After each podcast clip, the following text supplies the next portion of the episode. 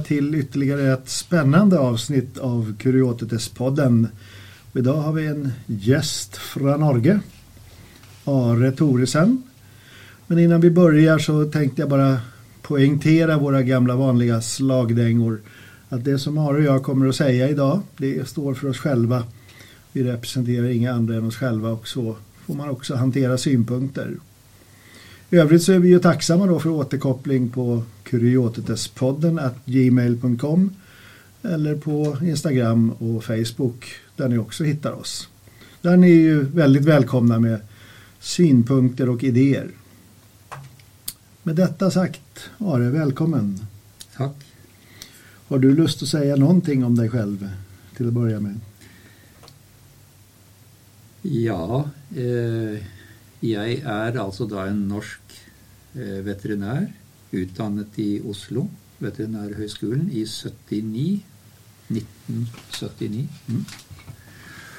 Og i og med at jeg da i mange år før det hadde utviklet et visst klarsyn, altså en observasjonsevne av sykdomsårsaker, så så jeg i løpet av noen få måneder i min veterinærpraksis at nesten alle sykdommer hos dyr er overført fra eieren. De har sin årsak i eieren. Mm. Slik at når jeg oppdaget det, så sluttet jeg nesten å behandle dyr, men gikk over til å behandle dyrene via eieren. Og resultatene var altså langt bedre enn å behandle dyrene direkte. Ja. Og dette å erkjenne mennesket som årsak til sykdom hos dyr, det har jeg da brukt i min praksis siden. Men det det også ledde til, det var jo da å få en innsikt i mekanismene bak det jeg kaller translokasjon. Mm. Altså en sykdom går fra ett individ til et annet individ. Kontra en transformasjon, hvor sykdommen forvandles der den er. Og det jeg så da Det startet altså med å observere det på dyr. Det var at dette skjer også mellom mennesker. Mellom voksne og barn. Mellom menn og kvinner. Og mellom mennesker og dyr. Og det som er da egentlig en tragedie, en tragedi i alternativ medisin, er at 95% av alle behandlinger innen akupunktur, kraniosakralterapi, homeopati, urteterapi osv. resulterer i en translokasjon. Mm. Og det reiser et moralsk spørsmål.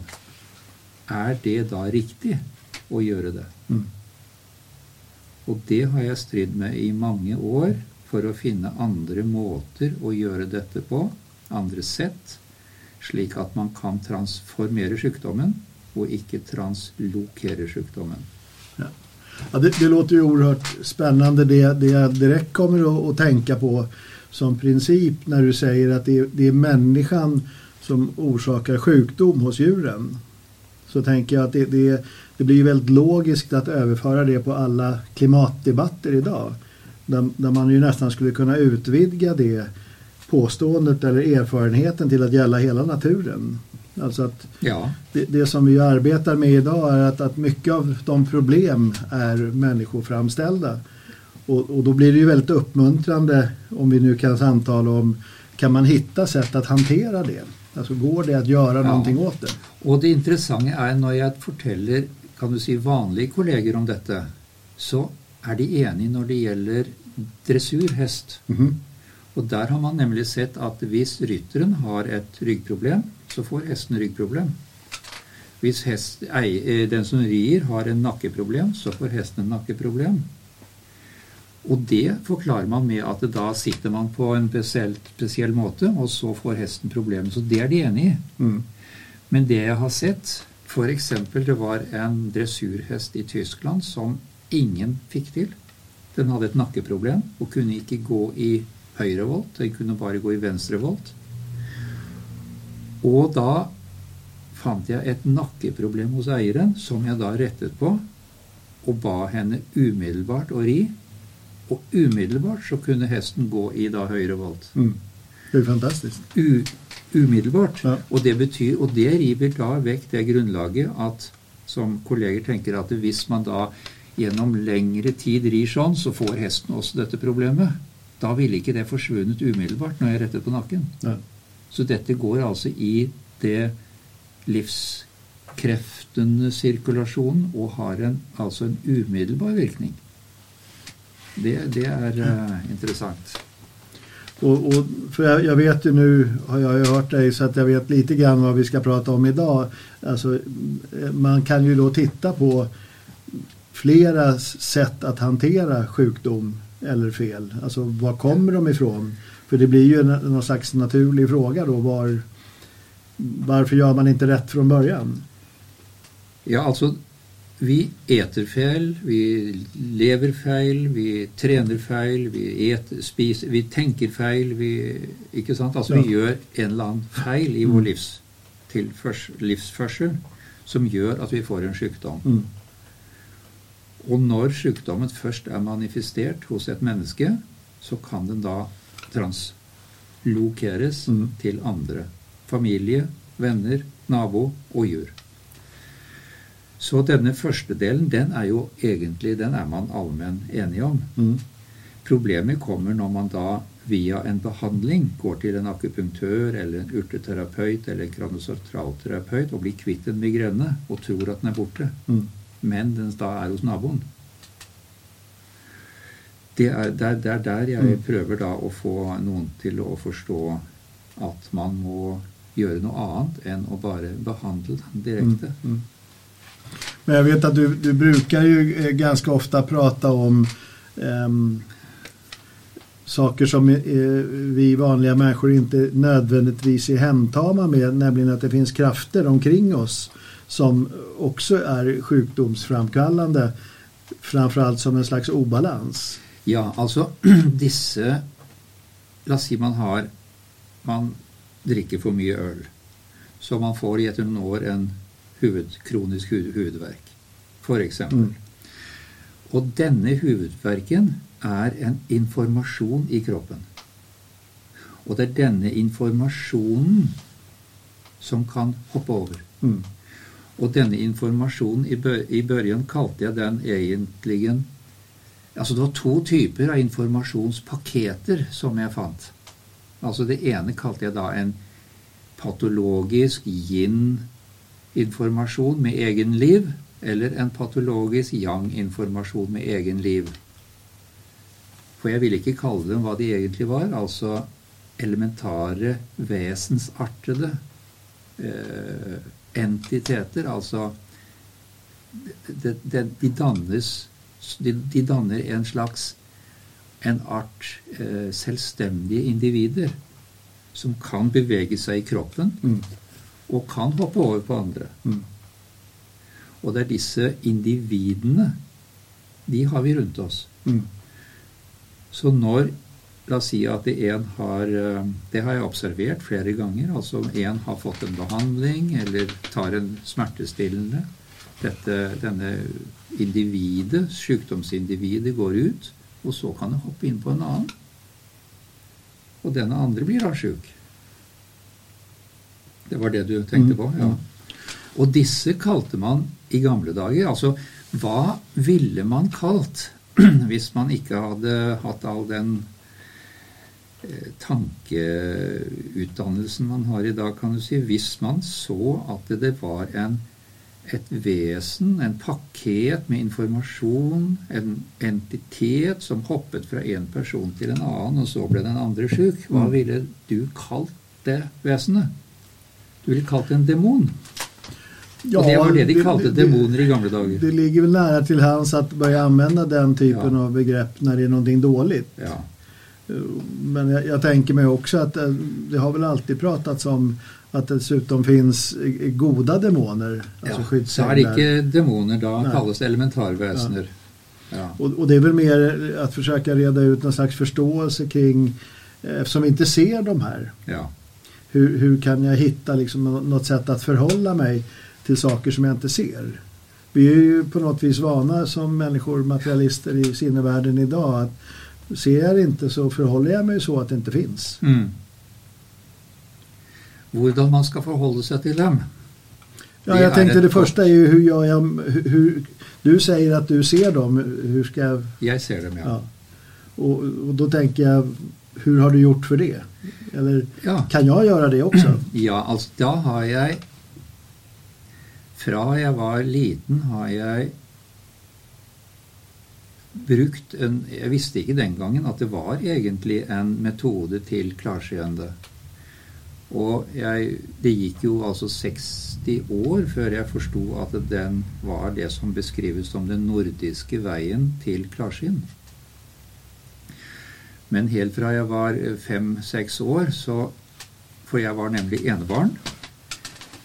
Hadde få venner og gikk mye ute i skogen. Mm.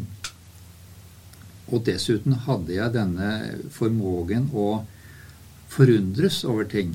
Slik at jeg ble så på et tre, så forundret jeg meg over treet og på en måte eh, Så måte hen, eh, hensatte meg inn i treet. Mm. mm. Forsatte meg, skulle man kunne si. Forsatte meg ja, inn i treet, eller på engelsk 'faded', Mm. altså feidad inn i treet.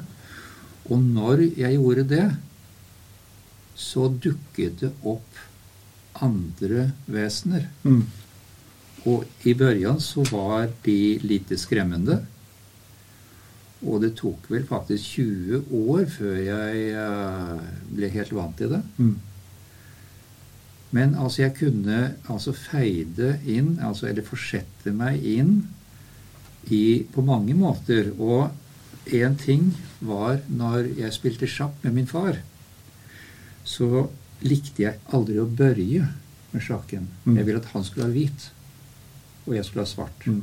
Og når han da holdt en, en bonde i varje hand, og så skulle man gjøre sånn, så fikk man hvit eller svart. Og altså, faktisk talt, altså de hundre ganger etter hverandre valgte jeg svart. Fordi jeg kunne faktisk se de svarte brikkene inni hånden hans. Og han forsto aldri det. Hvorfor i all verden klarer du å få svart hver gang? For meg var det helt opplagt. Ja. Jeg så det jo. Jeg trodde ikke det var noe rart engang. Altså noe unaturlig. Nei. unaturlig. Og da jeg var rundt 20 eller 21 år, så fortalte en lege meg, en antroposofisk lege, Margit Engel, Ja. fortalte meg at du vet at det ikke er naturlig å se gjennom hendene, sa han. Du vet vel det? Da plutselig gikk det opp for meg. Nei, selvsagt er det ikke naturlig. Men eh, om du tar en eh, inbota materialist som mig, som inte ser genom händerna. hur- Kan Du har da ingen iboende materialist. Ja. hur, hur ska jag göra?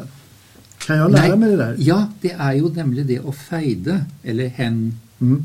uh, Ja. Hva er det beste svenske ordet? försatte sig. Forsette deg inn i trær, inn i skyer, Mm. inn i planter, inn i det hvite snøen, inn i den grønne naturen, inn i den blå himmelen. Mm.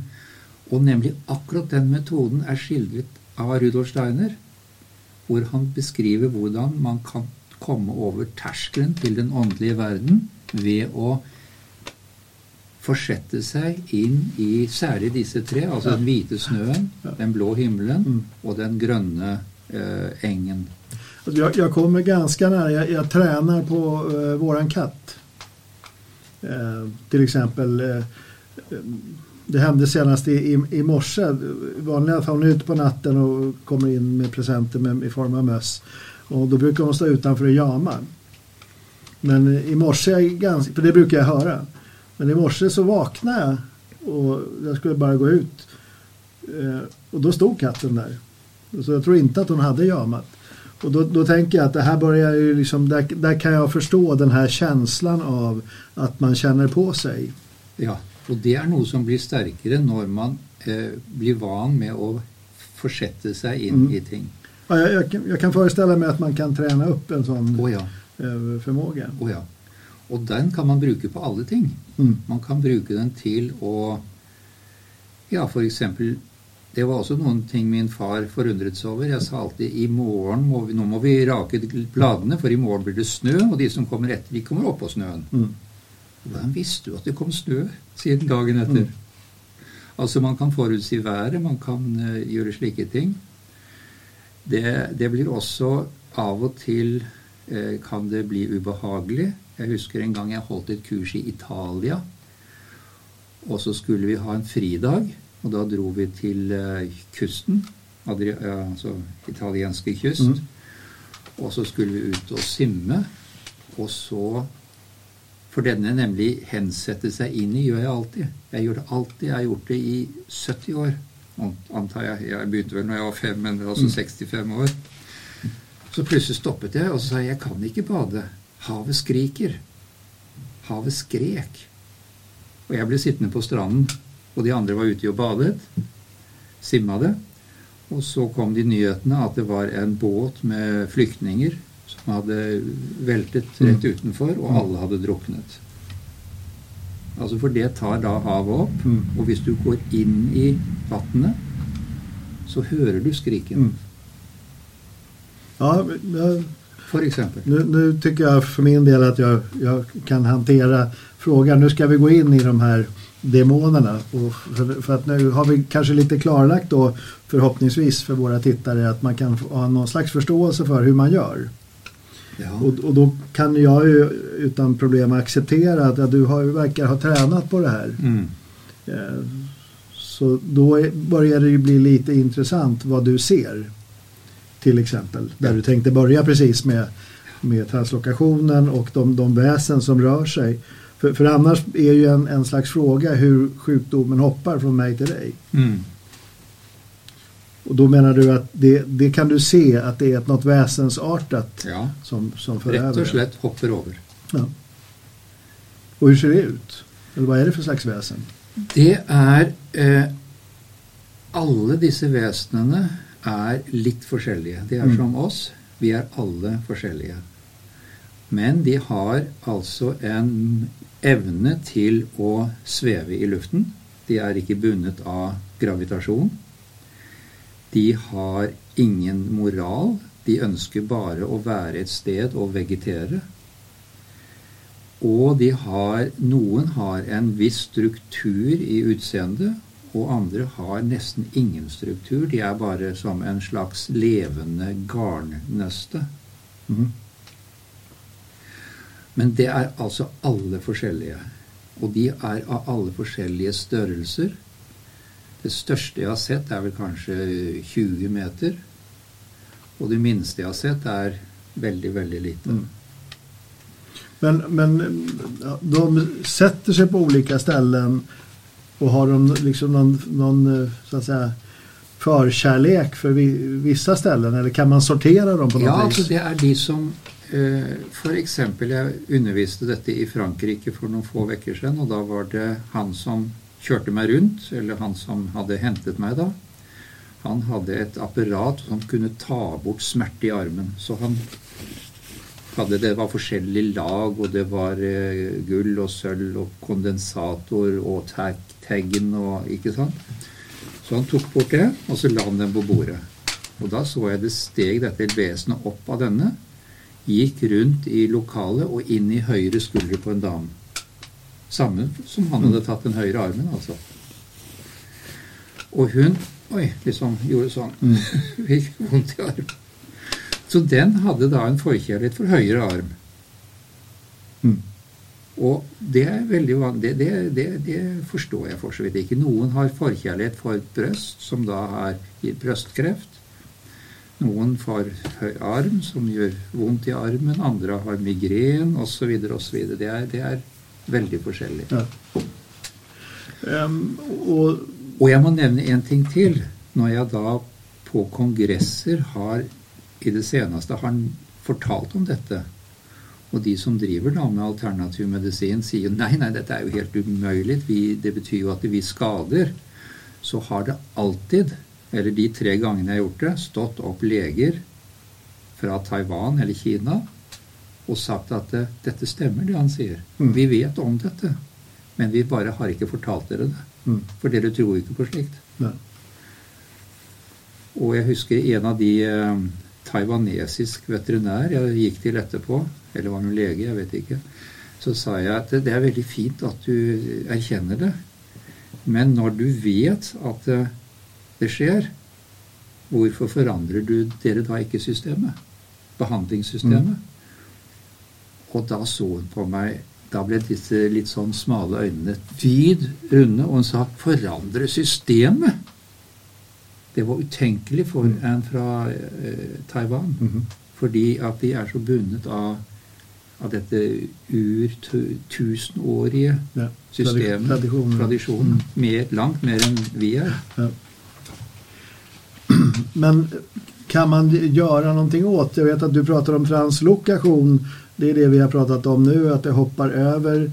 Men att man kan förvandla de här eh, svårigheterna, eller Mm. väsendena till och med. Ja, så i 20 år var jeg da Altså, jeg fortalte ikke mine kolleger om dette før jeg hadde en metode til å forvandle det. For jeg kunne ikke bare si at dere translokerer punktum. Mm. Jeg måtte jo kunne si noe mer, for ellers så skaper det bare frustrasjon. Så jeg søkte i 20 år etter en måte å transformere og ikke translokere. Mm. Og den fant jeg til slutt i begrepet, eller i eh, behandling av midtpunktet, som jeg kaller det, altså midtpunktet. Det er midt imellom overskudd og underskudd. Altså i alternativ medisin, i akupunktur, i kranusakralterapi, alt det er det opererer de med at noen symptomer har med overskudd å gjøre, og noen har med underskudd. Og det er i, for så vidt i vanlig medisin Det er vel ganske logisk. Ja. Mm. Og noen skoler behandler overskuddet, og noen skoler behandler underskuddet. Mm. Og det jeg fant ut etter 20 år, det er at hvis du behandler midt imellom, så forsvinner både overskudd og underskudd. Men de translokerer ikke. De transformeres Mhm. til noe ikke patologisk, ikke sykdomsfremkallende. Og dette midtpunktet er det jeg da nå i flere år har brukt i behandling. Altså ikke behandle symptomene, men bare behandle midt imellom. Mm. Alltså det låter ju väldigt eh, logiskt om man tänker sig ett vardagsliv. Där, det, där Ja. pratar man ju också om att uppnå någon typ av harmoni och balans i livet. Det Ja. tycker jag man läser i tidningarna varenda dag. Ja. La oss si man har to ungdommer, to unge gutt, pojker som slåss. Så kan du gå på den ene og fike til ham, Mm. eller du kan gå på den andre og fike til ham. Men det gjør at de venter til du har gått, og så begynner de å slåss igjen. Eller du kan stille deg i midten og si 'Hør her. Sånn og sånn. Sånn og sånn'. Och jag, jag tänker, alltså om man tar vardagliga problem med invandring eller någonting annat så, så blir det lite samma sak. Alltså Mm. är det överskott eller underskott men det finns ju någon typ av balans. Ja. Mm, Sen om man kallar det för integrering eller Ja. så, så det gäller ju i alla frågor att, att hitta den här mittpunkten tänker jag. Ja. ja og- da Och då blir ju en spännande fråga igen då, hur, hur gör man? For å finne midtpunktene. Ja. Ja, altså det begynte med at jeg da begynte å se på mennesker. Mhm. Og da så jeg rett og slett Man kan se midtpunkten ut fra den metoden jeg har beskrevet. Mm. Man kan føle den. Man kan faktisk lukte den. Mhm.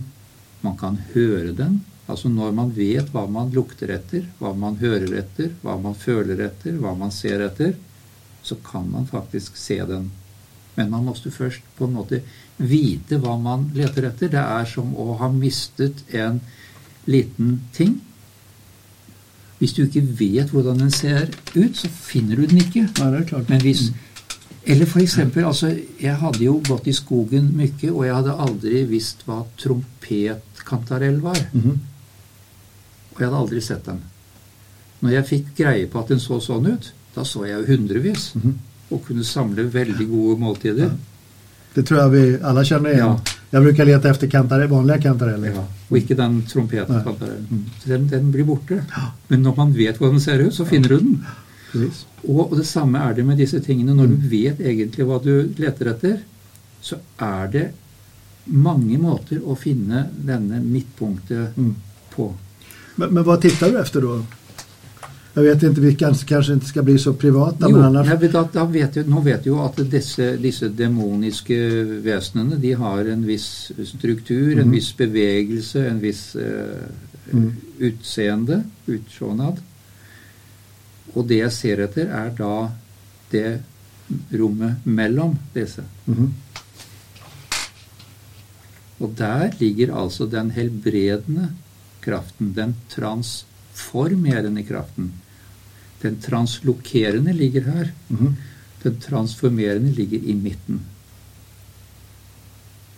Og i og med at denne alltid ligger i midten, og den ligger nær hjertet, så kaller jeg den ofte for altså en Kristuskraft. Mm. Fordi Kristus er nemlig alltid plassert i midten. Til og med på Golgata med tre kors i midten. I The Sacred Heart, Sacre Coeur, midten. I, uh, der to eller tre er samlet i mitt navn, der er jeg midt iblant dere.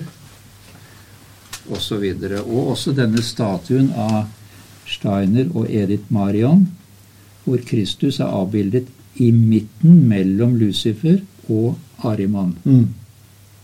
For nemlig disse to overskuddstrukturene av yang-karakter, eller over, underskuddsstrukturen av yin-karakter, som jeg nevnte, de kalles innen antroposofien for arimanske strukturer. Det er här gossen nede? nere. Det er det gossan her nede, ja. Ja. Eller luciferiske strukturer, Mm. som er gossan her oppe. Mm. Og du ser, dette er ikke egentlig mennesker, men det er strukturer. Det er dynamiske aktivitetsstrukturer som skaper da, når disse blir for sterke, så skaper de sykdom.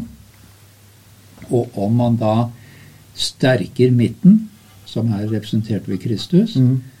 så vil disse da presses fra hverandre, og en sykdomsfremkallende effekt, den sykdomsfremkallende effekten, forsvinner, og sykdommen da transformeres Mm. Til noe nyttig. Og, da tenker då tänker du at, at, metoden er den så å si at eh, lokalisere som første? For å sen kunne Ja, først vite om det. Ja. Først erkjenne problemet med translokasjon. Mhm. Så vite om disse strukturene. Så lokalisere. Så behandle midt imellom. Mm. Och det blir lite den här gesten då så att säga att, Ja. att, att hålla isär. Skyve bort. Ja, ja. Ja, holde især, ja. Mm. Och, och mm, kan du säga någonting mer om var hittar jag den kraften i, i mig själv? Eller hur kan jag känna igen den? Eller hur kan jag lokalisera den här mittenkraften? Ja, når du da har gått disse trinnene, altså først definere problemet, så vite om disse kraftene, og så ut, oppøve kanskje et visst klarsyn, eller en viss følelse, eller en lukt, Mm. så finner man det da hos, mer og mer hos dyr og mennesker, og så blir man også klar over det hos seg selv. Mm. Og da kan man også behandle seg selv. Okay. Man kan aktivere denne hos seg selv. Mm. Och, och de här krafterna så att säga, hittar, hittar jag dem på andra ställen också än, Ja. än bara mig själv? Ja, nå Ja. vet jeg hva du vil fram til. Nemlig, og det var et sjokk for meg første gang det skjedde, det var en stall i Tyskland hvor alle hestene var sjuke pga. en 4G-mast som sto rett ved siden av stallen. Og alle hadde vondt på samme stedet, og det var så opplagt, denne masten. Så foreslo en av studentene hvorfor ikke behandle midtpunktet i masten. Mhm. Og for meg tenkte jeg ja, hvorfor ikke? Det var egentlig en ganske ny tanke på meg. For jeg hadde aldri sett på mastene med det for Altså når man har en, en, et visst klarsyn, så må man på en måte bestemme seg for å se etter det man ser etter. Man kan ikke bare se seg rundt, og så ser man det. Man må Man må fokusere. Så da fokuserte jeg på masten og slo på klarsynet. og da så jeg disse kreftene også i masten. Mhm. Så behandlet vi midtpunktet, og alle hestene var bra. Bort, smerten var borte på 20 minutter, og halt, alle de forskjellige halthetene var borte på to uker. Mm. To vekker. Og dette varte i flere år. Ja. Men, men det här behandla mittpunkten, det är där någonstans som det börjar bli intressant om vi pratar saker i omvärlden. Ja. Alltså, hur gör jag då? Ja, da må man altså først, som er de samme fire trinnene, først må man vite at det er et problem, så må man definere det, så må man bli klar over omtrent hvor de er, og så må man sterke midten ved din egentlig en god intensjon. Okej. En, man må på en måte ville åpne midten for denne Kristuskraften, Mm. og da åpner den seg. Mm. Så att min, mitt bidrag er egentlig att identifiera og sen skapa et rum for å få den hjelpen. Ja. Det er ikke så mye jeg selv som gör Du åpner på en måte et rom, og så må du ha altså en intensjon at dette er for Kristus. Mm. Akkurat som hvis jeg reiser meg for en stol for en, en dam eller en gammel mann, så er min intensjon at han skal sitte der. Mm. Og da skjer det som regel. Men hvis en ungdom kommer plutselig og setter seg ned, da blir jeg jo forbanna Mm. og hiver ham vekk og sier 'vær så god, dette var for den gamle mannen'. Mhm. Altså, det kan skje, Mm. men uh, För att jag, jag kan känna igen eh, den här principen nu när vi pratar mer ifrån undervisning till exempel. Jag har jobbat mycket med funktionshindrade, funktionsvarierade eh, ungdomar. Och där har ju känslan varit väldigt tydlig när det går bra. Det är inte jag som har gjort det. mm. Jag, jag har så att säga, genom min förberedelse och genom min erfarenhet kunnat se till att det är någonting som händer. Den, den känslan har varit ganska tydlig. Mm. Så, så den, den förknippar jag ju med ett sånt här fenomen. Mm. Um, så därför kan jag känna igen Mm. en, en, en sån här. Men det jag tycker att det blir extra spännande i det här sammanhanget eh, om vi nu går lite vidare i, med saker. För att många människor idag är ju väldigt bekymrade för 5G, mobiltelefoner, solenergi ja, och så vidare. Men, men jag, jag vet att du tänker lite annorlunda kring sådana fenomen också. Det är väl lite spännande att höra kring dina tankar runt det där. Ja, altså etter at jeg da hadde den opplevelsen med den massen, Mhm. Så begynte jeg å behandle da altså de som er allergiske mot en mobiltelefon, så begynte jeg å behandle mobiltelefonen, altså åpnede midten, Mm. og plutselig er allergien borte. Det samme kan du gjøre med mat, nøtter. De som er allergiske mot spesielle nøtter, du kan gjøre det samme der. Du åpner midten. Eh, Det samme med 5G-master. Altså alle disse tingene kan Du tar bort det patologiske, du tar bort det sykdomsfremkallende ved å åpne for midten. Midtenkraften, Kristuskraften. Mm. Og det betyr at det er ikke Ja, og så kom det en, et stor opplevelse. Det var altså en, en vitenskapelig innstilt australienser som hadde installert solcellepaneler på taket, og hadde gått da med kronisk hovedverk siden det. Mm. Dette var viktig for meg. Og han hadde målere, metere, så han visste det var så og så sterkt felt, og øh, Altså, han kunne alt det Ja. der. Og så behandlet jeg midtpunktet på disse solcellepanelene. Og så ringte han meg opp etter noen få vekker og sa at du, det der du gjorde, det, det verka det ikke. Nei, sa jeg. Ja, nei, fordi at det er, feltet er like sterkt. Og jeg satt og tenkte litt, og så sa jeg ja, men hva med din hovedverk? Nei, den er borte. Altså, her har du en intelligent mann som er så oppe i sin vitenskap at han egentlig ikke tenker logisk. Mm. Og han Det var jo hovedpinen, hovedverken, som han var, problem, var problemet. Og det ga meg Altså, når dette sjunk- sjønk inn, Sjunk inn Ja, det er bra. Så forsto jeg jo, fatta det jeg, at det er ikke feltet eller strømmen eller elektromagnetiske strålingen som er skadelig. Men det er disse elementarvesenene som jeg har beskrevet, mm -hmm. som kommer med dem. Mhm. Det er ikke hånden min som er farlig. Det er når jeg knytter den og slår til deg. Mhm. Da er den farlig. Ja. Eller jeg holder en kniv. Ja. Da er den farlig. Ja. Det er ikke strømmen som sådan. Vil si at vi kan da skilje strømmen, eller elektromagnetiske strålingen, eller 5G, eller hva du vil, fra disse patologiske kreftene, og dermed bruke telefon. For eksempel, det er jo ganske opplagt, jeg tenkte jo da på det etter hvert, når jeg da tar bort feltet, eller tar bort dette fra en mobiltelefon som gjør at man kan snakke i den uten å få allergiske reaksjoner De kan jo fremdeles snakke. Mm. Det er jo så opplagt. Men du har vel et translokasjonsproblem der også, antar jeg? Nei, når du åp- åpner midtpunktet, så transformerer du. Mhm.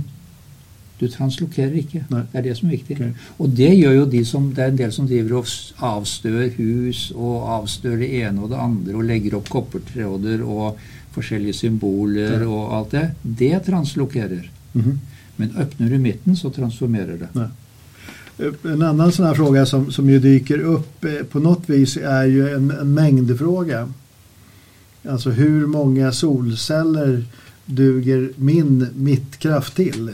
Om man nu kan förenkla Mm. frågeställningen. Eh, Jag, jag antar att det har någon, någon form av relation till vars och ens förmåga. Alltså Ja. du, du kan transformera flera eller större problem än vad jag kan. Jag vet inte om det, man kan vara så enkel. Jo, det, det stemmer. Men da er det et god parallell å tenke på ungdomskriminelle og polis. Altså, det holder ikke med én polis i, i uh, Göteborg. Mm. Er det Ikke i ikke man, ikke er det ikke der man har Ikke i Stockholm heller. Så du må ha et visst antall. Ja.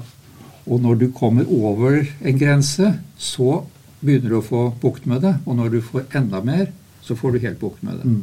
Altså Det er ikke nok at jeg gjør det, eller du gjør det. Altså Alle som har da en energetisk moralitet, eller en innsikt i dette, må da gjøre det. Mm. Altså Dette er en felles Ja. oppgave. Ja. For det er vel en, en, tenker jeg, en viktig del kanskje også til, till våra lyssnare och Ja. Alltså att det, det, det är ju väldigt viktigt att det inte blir ett eget korståg. Ja. Utan att eh, ju, ju, det vore ju intressant och, och, och nästan experimentera med det. Gärna skulle ju kunna vara ett bra område att ja. prova. Ja. Om, om, om det på det här viset går att åstadkomma en, en lite större effekt. ja. Og det er jo klart, noen poliser er viktigere enn andre poliser. Mm. Men altså, én er alltid for lite. Mm. Ja, jag, jag tänker polisexemplet är ju bra för det, om, om det är en väldigt provokativ polis så brukar ju slagsmålen eller ja. oroligheterna Ja. bli större. Ja. Men en erfaren kan, kan hantera det lite annorlunda. Och, och eh, om, man nu transformerar, det är väl kanske mycket sagt, men, men man försämrar inte. Nei, altså Dette med polis er ganske interessant. F.eks. i Amerika, hvor de kaster det bare inn i fengsel og ikke gjør Mm. noe mer. Så blir de, kommer de ut og er enda verre. Men i Skandinavia så prøver vi jo å transformere Mm. de kriminelle. ja, jeg vet at Kanada, der de har jobbat veldig mye, altså Mm. kriminalvården, med, Mm. med å ha en annen hållning Ja. til kriminelle. Ja, Når jeg sa Amerika, så mente jeg jo USA. Ja, ja. Men så, så det er vel litt spennende liksom å undersøke. Men jeg tenker så her kanskje mot slutet eh, skulle man jo sticka ut huvudet enda lenger, for det, det finns en tredje gosse. Eller nu för tiden i Sverige måste man säga hen. Man Mm. inte säga gosse, det är fel. Eh, det finns en, en, en, du brukar kalla det för en ny kraft. Ja. Altså I alle år har jeg observert disse to kreftene. Altså de luciferiske demonene, kan man si, og de arimanske Mm. demonene. Överskott och underskott. Eller? Under, ja, og jeg har skrevet en bok om det som heter 'Demons and Healing'. Mm. utgitt på Temple Lodge, hvor jeg beskriver alt det her. Men i de seneste to årene, tre årene kanskje, så har det kommet til syne mer og mer en tredje kraft, Mm. som Steiner beskriver som asuras. Mm -hmm. Det er vel et gammelt hindisk hin, hindiskt. Stemmer. Ja. Uh, og han uh, nevner det mest, og han beskriver det ikke mye. Mm. Fordi på Steiners tid så var ikke de egentlig mye til stede. Nei. Altså mye har forandret seg på 100 år. Elementarverdenen har åpnet seg mye mer. Det er forskjellige innbyrdes forhold mellom erkeengler og arkai. Vidar har kommet opp. Mikael har kommet enda høyere opp. Og Asuras har kommet inn.